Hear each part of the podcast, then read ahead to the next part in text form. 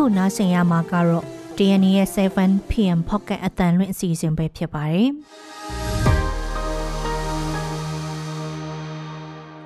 ဒီကနေ့ဇန်နဝါရီလ12ရက်နေ့ရဲ့ pocket အတန်လွင့်အစီအစဉ်မှာတော့စက်ကောင်စီလက်ချက်နဲ့တရက်ကိုအယက်သား၈ဦးနှုန်းတည်ဆုံနေတယ်ဆိုတဲ့အကြောင်းဝမ်ကျွဲမှာလေးလောင်းပြိုင်လူတက်မှုဖြစ်တယ်ဆိုတဲ့အကြောင်းထိန်းချုပ်ဒေသတွေမှာမြတတဲ့ဥပဒေကိုအခြေခံပြီးအုပ်ချုပ်ရေးစနစ်သစ်ထူထောင်မယ်လို့ TNL ဥက္ကဋ္ဌပြောတယ်ဆိုတဲ့အကြောင်း ညီနောင်သုံးဖွဲ့နဲ့စက်ကောင်စီရှမ်းမြောက်မှာအပြစ်ရဖို့သဘောတူညီမှုရပြီဆိုတဲ့အကြောင်း TNL ကအကျဉ်းသား300နီးပါးလွတ်ငင်းခွင့်ပေးပြီးစစ်တုံးပန်းတွေမပါဘူးဆိုတဲ့အကြောင်းစတဲ့ပြည်တွင်းသတင်းတွေနဲ့ထိုးစစ်အရှင်တန့်သွားပြီးခန်းစစ်ကိုပိုအားဆိုင်ပြင်ဆင်နေတဲ့ယူကရိန်းရှိတဲ့စစ်မြေပြင်အခြေအနေဆိုတဲ့အကြောင်းပင်လယ်ပြင်မှာအခြေစိုက်ပြီးတရုတ်ရဲ့ဒုံးပြန်လွတ်တင်မှုမစ်ရှင်အောင်မြင်နေဆိုတဲ့အကြောင်းစတဲ့နိုင်ငံတကာသတင်းတွေကိုနားဆင်ရမှာပါရှင် ဒီစီစဉ်ကိုတော့ကျမနန်းခမ်းနဲ့စိမ့်ကတင်ဆက်ပေးသွားပါမယ်ပထမဆုံးသတင်းတပုတ်အနေနဲ့စစ်ကောင်စီလက်ချက်နဲ့တရက်ကိုအရက်သား၈ဦးနှုန်းတိစုံနေတဲ့ဆိုတဲ့သတင်းကိုပြောပြပေးပါမယ်။လက်ရှိ2024ခုနှစ်နှစ်စန်းပိုင်းတစ်ပတ်အတွင်းစစ်ကောင်စီလက်ချက်နဲ့နိုင်ငံတော်ဝန်မှာတရက်ကိုအရက်သား၈ဦးနှုန်းလောက်တိစုံနေတယ်လို့အမျိုးသားညီညွတ်ရေးအစိုးရ NUG ရဲ့အချက်လက်တွေရသိရပါဗျ။ စစ်ကောင်စီတပ်ရဲ့ပြစ်ခတ်တိုက်ခိုက်မှုတွေကြောင့်အခု2024ခုနှစ်ဇန်နဝါရီပထမပတ်အတွင်းမှာပဲတေဆုံးသူအရက်သား58ဦးထပ်မံရှိတယ်လို့အမျိုးသားညီညွတ်ရေးအစိုးရ NUG သမရယုံပြောရေးဆိုခွင့်ရှိသူဦးကျော်စောကပြောပါတယ်။တေဆုံးခဲ့ရသူတွေထဲအသက်16နှစ်အောက်ကလေးတငယ်18ဦးပါဝင်တယ်လို့သိရပါတယ်။ဒေါ်လာရေးအင်အားစုတွေထိန်းချုပ်ထားတဲ့ခမ်းပတ်မြို့နယ်ကလျက်ကနန်ကျူးရွာကိုဇန်နဝါရီ9ရက်ကစစ်ကောင်စီတပ်ရဲ့လေကြောင်းတိုက်ခိုက်မှုမှာ အသက်18နှစ်အောက်ကလေးငယ်9ဦးအပါအဝင်အရက်သား18ဦးသေဆုံးခဲ့တယ်လို့မြေပြင်ကယ်ဆယ်ရေးလုပ်နေသူတွေကပြောထားပါတယ်။ဒါအပြင်တိုက်ခိုက်မှုတွေအတွင်းထိခိုက်ဒဏ်ရာရသူ19ဦးရှိခဲ့ပြီးသူတို့ကိုစေကူတာမှုပေးဖို့ကလေးမျိုးကိုခေါ်သွားပေမဲ့စစ်ကောင်စီကမြို့ထဲအဝင်မခံခဲ့ဘူးလို့သိရပါဗျ။အလားတူကနန်ကျူးရွာကိုတိုက်ခိုက်တဲ့ဇန်နဝါရီ9ရက်တရက်တည်းမှာပဲရှမ်းပြည်နယ်နမ်ဆန်မြို့နယ်မြို့သစ်ကျူးရွာနဲ့လာရှိုးမြို့နယ် မိုင်းရောတိုက်နယ်တို့ကိုစစ်ကောင်စီကလေရင်နဲ့ဘုံကျဲခဲ့ပြီးအဲ့ဒီတိုက်ခိုက်မှုအတွင်းမှာတော့အရက်သား9ဦးသေဆုံးခဲ့တယ်လို့တအံ့အမျိုးသမီးအဖွဲ့အစည်း TWO ကပြောပါတယ်။ဒါအပြင်ဝန်းတုံမြို့နယ်အခြေဆိုင်စစ်ကောင်စီချင်းမြန်တရင်ခမရ120အနီးဇန်နဝါရီ9ရက်မှာစစ်ကောင်စီတပ်ကဖမ်းဆီးသွားတဲ့ဒေသခံအရက်သား19ဦးရဲ့ရုပ်အလောင်းတွေကိုလည်းနှစ်ရက်အကြာဇန်နဝါရီ9ရက်မှာဝန်းတုံမြို့နယ်ဝင်းကြီးရွာအနီး တွေ့ခဲ့ရတယ်လို့ဒေသခံတွေက DNA ကိုပြောထားပါတယ်။စစ်အာဏာသိမ်းတဲ့2021ခုနှစ်ဖေဖော်ဝါရီကနေ2023ခုနှစ်နှစ်ကုန်ပိုင်းအထိ၃နှစ်နီးပါးအတွင်းမှာတော့အရက်သားပြစ်မှတ်တွေကိုတိုက်ခိုက်ခဲ့တဲ့စစ်ကောင်စီရဲ့လေကြောင်းတိုက်ခိုက်မှု983ကြိမ်ရှိခဲ့ပြီးအဲ့ဒီတိုက်ခိုက်မှုတွေအတွင်းသေဆုံးသူ898ဦးထပ်မံရှိခဲ့တယ်လို့ NUG ကဇန်နဝါရီ9ရက်မှာထုတ်ပြန်ထားပါတယ်။ ဆက်လက်ပြီးပြောပြချင်တာကတော့ဝမ်တွင်းမှာလေးလောင်းပြိုင်လူသက်မှုဖြစ်တယ်ဆိုတဲ့အကြောင်းပါ။မန္တလေးတိုင်းဝမ်တွင်းမြို့မှာအလုတ်သမားကိုကြိုးထုတ်ပေးထားတဲ့ငွေကိုလောက်အားခထဲကပြန်နှုတ်ယူရာကနေစကားများခဲ့ပြီးတော့အလုတ်သမားကအလုတ်ရှင်မိသားစုဝင်လေးဦးကိုလေးလောင်းပြိုင်တပ်ဖြတ်မှုမနေ့ကဖြစ်ခဲ့တယ်လို့ဖြစ်စဉ်ကိုသိတဲ့ဒေတာခန်တဦးက DNA ကိုပြောပါတယ်။ ဝမ်တွင်းမြို့နယ်အမှတ်3ဗဟိုရက်ကွက်ကရက်ကန်းယုံတစ်ခုမှာအဲ့ဒီလေးလောင်းပြိုင်လူသက်မှုဖြစ်ခဲ့တာဖြစ်ပြီးအလုတ်ယုံပိုင်ရှင်မိသားစုဝင်တွေဖြစ်တဲ့အသက်88နှစ်အရွယ်ဒေါ်ကြီးအသက်68နှစ်အရွယ်ဒေါ်မြသွေးအသက်53နှစ်အရွယ်ဒေါ်စန္နာတို့၃ဦးနဲ့ရကန်အလုတ်သမားအသက်38နှစ်အရွယ်မက်စင်စင်အေးဆိုသူလေးဦးကိုတူနဲ့ထုတက်ခဲ့တာလို့သိရပါတယ်။အဲဒီနောက်ပြစ်မှုကျူးလွန်သူဟာမြို့နယ်ရဲစခန်းကိုကိုရိုင်းသွားရောက်ပြီးတော့ အလုတ်ယုံဓမြတိုက်ခံရကြောင်းတိုင်ချက်ဖွင့်ခဲ့ပေမဲ့ရဲတွေရဲ့စစ်ဆေးမိမြတ်မှုအရအလုတ်သမားကိုရိုင်းတပ်ဖြတ်မှုကျူးလွန်ခဲ့ကြောင်းပေါ်ပေါက်ခဲ့တယ်လို့ဆိုပါတယ်။လက်ရှိမှာတော့လူတပ်မှုကျူးလွန်သူကိုဝမ်တွင်းမြို့နယ်ရဲစခန်းမှာဖမ်းဆီးထားပြီးတော့အမှုဖွင့်အရေးယူနိုင်ရေးလှုံ့ဆော်နေတယ်လို့သိရပါတယ်။ဆက်လက်ပြီးထိန်းချုပ်ဒေသတွေမှာမျှတတဲ့ဥပဒေကိုအခြေခံပြီးအုပ်ချုပ်ရေးစနစ်သစ်ထူထောင်မယ်လို့ TNL ဥက္ကဋ္ဌပြောဆိုလိုက်တဲ့သတင်းကိုတင်ဆက်ပေးပါမယ်။ စစ်ကောင်စီတပ်တွေကိုတိုက်ထုတ်လိုက်ပြီးတိမ့်ပိုက်ထိန်းချုပ်ထားတဲ့ဒေသတွေမှာတိုင်းရင်းသားလူမျိုးမခွဲခြားပဲမှန်ကန်မျှတတဲ့တရားဥပဒေစနစ်အပေါ်အခြေခံတဲ့လုံခြုံရေးနဲ့အုပ်ချုပ်ရေးရန်ရတဲ့လက်တွေ့ဖော်ဆောင်လဲပတ်သွားမယ်လို့ PSLF TNL ဥက္ကဋ္ဌဒုတိယဗိုလ်ချုပ်ကြီးတားအိုက်ဘုံကပြောပါတယ်ဇန်နဝါရီ12ရက်နေ့ကြာရောက်တဲ့62နှစ်မြောက်တအန်းအမျိုးသားတော်လှန်ရေးနေ့ဂုံပြုတ်မိကွန်းမှာဒုတိယဗိုလ်ချုပ်ကြီးတားအိုက်ဘုံကအဲ့ဒီလိုထည့်ပြောတာဖြစ်ပါတယ်။ ပြီးခဲ့တဲ့2023ခုနှစ်အောက်တိုဘာ29ရက်ကစခဲ့တဲ့ညီနောင်မဟာမိတ်၃ဘွဲ့ရဲ့10-20ခွန်စစ်စင်ရေးအတွင်း TNL တပ်ဖွဲ့ဟာရှမ်းပြည်နယ်မြောက်ပိုင်းကနမ်ဆန်မန်တုံနမ်တူမိုင်းငော့မိုင်းလုံနမ်ခမ်းကုတ်ခိုင်မြို့တွေကိုသိမ်းပိုက်နိုင်ခဲ့ပါတယ်။အဲ့ဒီမြို့နယ်တွေမှာရှိတဲ့စစ်အာဏာရှင်အဆက်ဆက်လက်အောက်ခံအုပ်ချုပ်ရေးရန်ရာတွေကိုအပြည့်တိုင်တိုက်ထုတ်ဖယ်ရှားလိုက်ပြီးတဲ့နောက်စီမံအုပ်ချုပ်ရေးစနစ်ကောင်းတရက်ဖော်ဆောင်က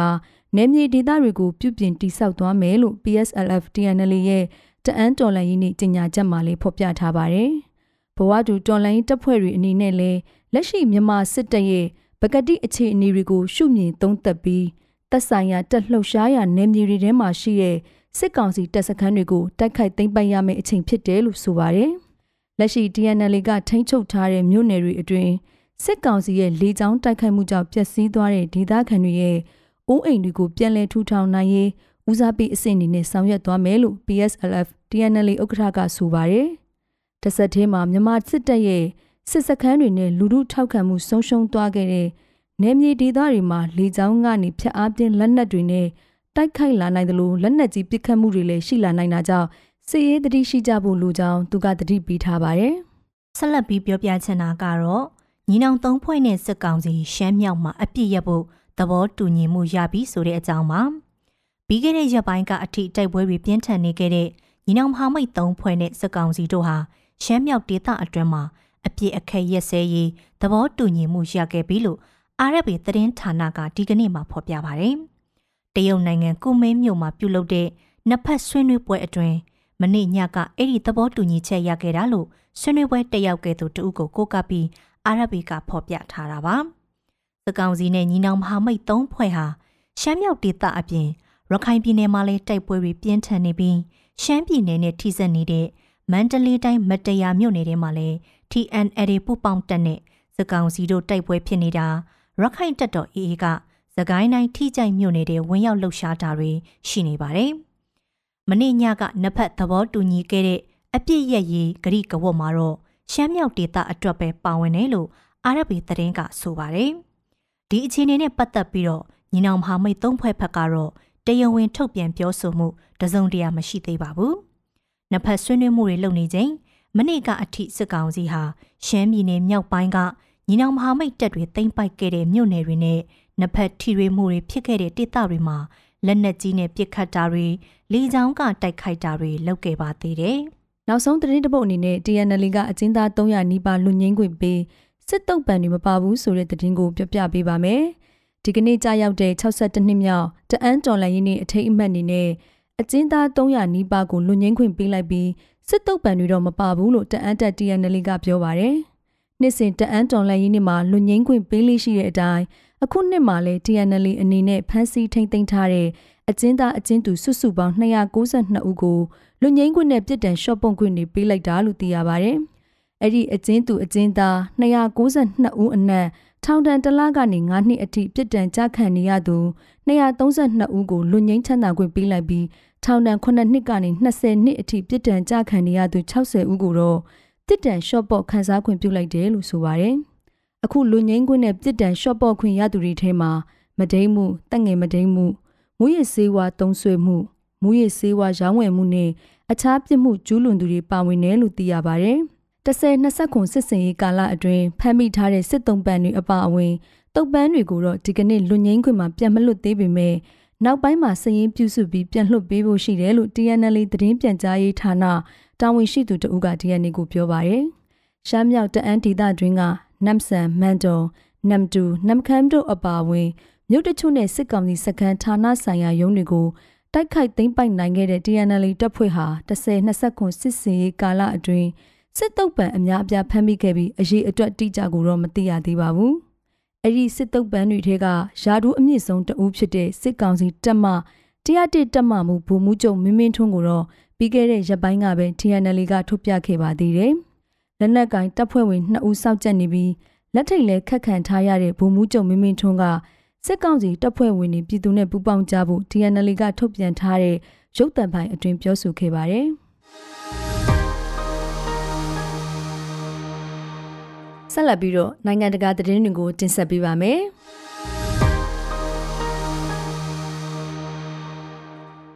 စောင်းတွင်းဝင်ရောက်လာခြင်းကလေးကယူကရိန်းရှေ့တန်းစစ်မြေပြင်မှာထိုးစစ်အရှိန်ရပ်တန့်သွားပြီးခန်းစစ်အတွက်ပုံမှုအသားပေးပြင်ဆင်နေရပါတယ်။ယူကရိန်းရဲ့စစ်ရေးဗျူဟာအပြောင်းအလဲနဲ့ပတ်သက်ပြီးနှစ်ကုံပိုင်းမှာရိုက်တာသတင်းဌာနရဲ့ကွင်းစင်းသတင်းထောက်တွေကနိုင်ငံအရှိမြောက်ပိုင်းကူပီယက်မြို့မှာရှိတဲ့ရှေ့တန်းစစ်မြေပြင်ထိတွားရောက်သတင်းယူခွင့်ရခဲ့ပါတယ်။ ယူကရိန်းသမ္မတဗိုလိုဒီမာဇီလန်စကီကရုရှားသိမ်းပိုက်ထားရနယ်မြေတွေကိုပြန်လည်ရရှိဖို့ရည်မှန်းချက်ကြီးကြီးနဲ့အကောင့်အထည်ဖော်ခဲ့တဲ့တံပြန်ထိုးစစ်အစီအမံဟာအောင်မြင်မှုနည်းနည်းသာရခဲ့ကြောင်းဝန်ခံခဲ့တယ်လို့တစ်ဖက်မှာလည်းအနောက်မဟာမိတ်နိုင်ငံတွေကယူကရိန်းစီပေးပို့တဲ့စစ်ရေးအထောက်ပံ့တွေကလည်းနှောင့်နှေးမှုတွေရှိလာနေပါတယ်။ဒါအပြင်အေးတဲ့ပြင်းထန်လာတဲ့စောင်းရသည်ကိုလည်းဝင်ရောက်လာတဲ့အတွက်ယူကရိန်းဟာထိုးစစ်ထက်ခန်းစစ်ကိုသာပြင်ဆင်မှုဗျူဟာပြောင်းလဲလာရတာဖြစ်ပါတယ်။ ရိုက်တာရဲ့မှတ်တမ်းဗီဒီယိုတွေထဲမှာတော့ကီလိုမီတာတွေနဲ့ချီရှည်လျားတဲ့ကရုတ်ကျင်းတွေစနစ်တကျတူးထားတဲ့ဘုံခုကျင်းတွေရန်သူတပ်တွေအလစ်ဝင်မတိုက်နိုင်အောင်တားဆီးထားတဲ့တန်ဆူးကြိုးတွေနဲ့တခြားအတားအဆီးတွေကိုတွေ့မြင်ရပါတယ်။ရိုက်တာရဲ့ကွင်းစင်းအဖွဲ့သတင်းယူနေချိန်မှာတော့အနားတစ်ဝိုက်မှာလက်နက်ကြီးပစ်ခတ်တံတွေကြားနေကြရတယ်လို့ဆိုပါတယ်။ကူပီယက်မြို့မှာလို့ခန်းစစ်အပြင်စင်မြို့ကိုရုရှားထိန်းချုပ်နယ်မြေတွေနဲ့အနီးကပ်တည်ရှိနေတဲ့ယူကရိန်းအရှေ့ပိုင်းနဲ့တောင်ပိုင်းစစ်မျက်နှာတွေမှာလည်း ပြောင်းလဲကျင့်သုံးနေတယ်လို့စစ်မြေပြင်သုံးကုတ်နမဲ list လို့သာဖော်ပြတဲ့ယူကရိန်းစစ်အင်ဂျင်နီယာတဦးကပြောပြပါဗျ။သမရဇီလန်စကီက2023နှစ်လယ်မှာစတင်ခဲ့တဲ့တံပြန်ထိုးစစ်ကမျှော်လင့်တလောက်ခီးမရောက်ခဲ့တဲ့နောက်နိုဝင်ဘာကလေးကရှေ့တန်းမှာခန့်စစ်ကြောင်းကိုအခိုင်အမာတိဆောက်ယူတဲ့ဗျူဟာမျိုးပြောင်းလဲနေကြောင်းပြောခဲ့ပူပါတယ်။လက်ရှိအချိန်ထိနိုင်ငံအရှေ့ပိုင်းနဲ့တောင်ပိုင်းဒေသတွေမှာယူကရိန်းပိုင်နက်အကျဉ်းအဝန်းရဲ့စုစုပေါင်း9ပုံတပုံလောက်ထိ များပြားနိုင်တဲ့နေမြေတွေဟာရုရှားတွေရဲ့ထိန်းချုပ်သိမ်းပိုက်မှုကိုခံထားရစေလို့လည်းသိရပါတယ်။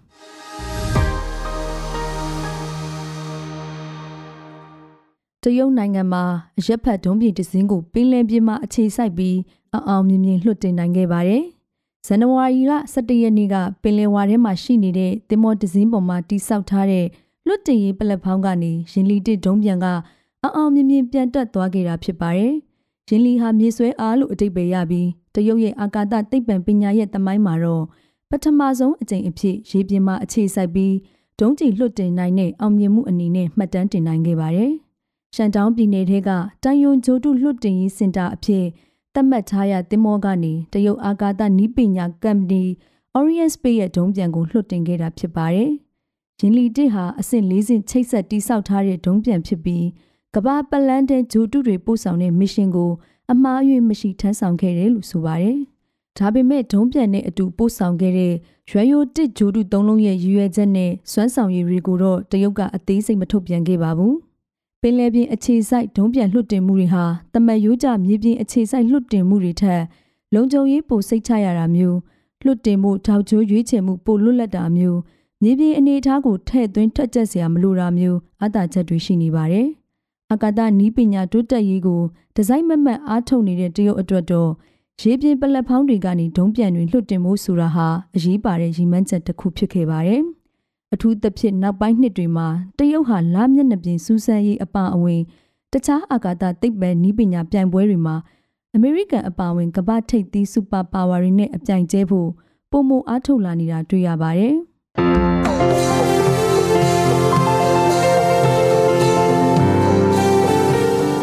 DNA ရဲ့ 7pm pocket အတန်လွင့်အစီအစဉ်ကိုအပတ်စဉ်တနင်္လာနေ့ကနေတောက်ကြနေ့အထိည9:00နာရီတိုင်းမှာတင်ဆက်ပေးသွားပါမယ်။ဒီစီစဉ်ကို Anchor Spotify တို့မှာနားဆင်နိုင်သလို DNA ရဲ့ YouTube Channel မှာလည်းဝင်ရောက်နားဆင်နိုင်ပါတယ်ရှင်။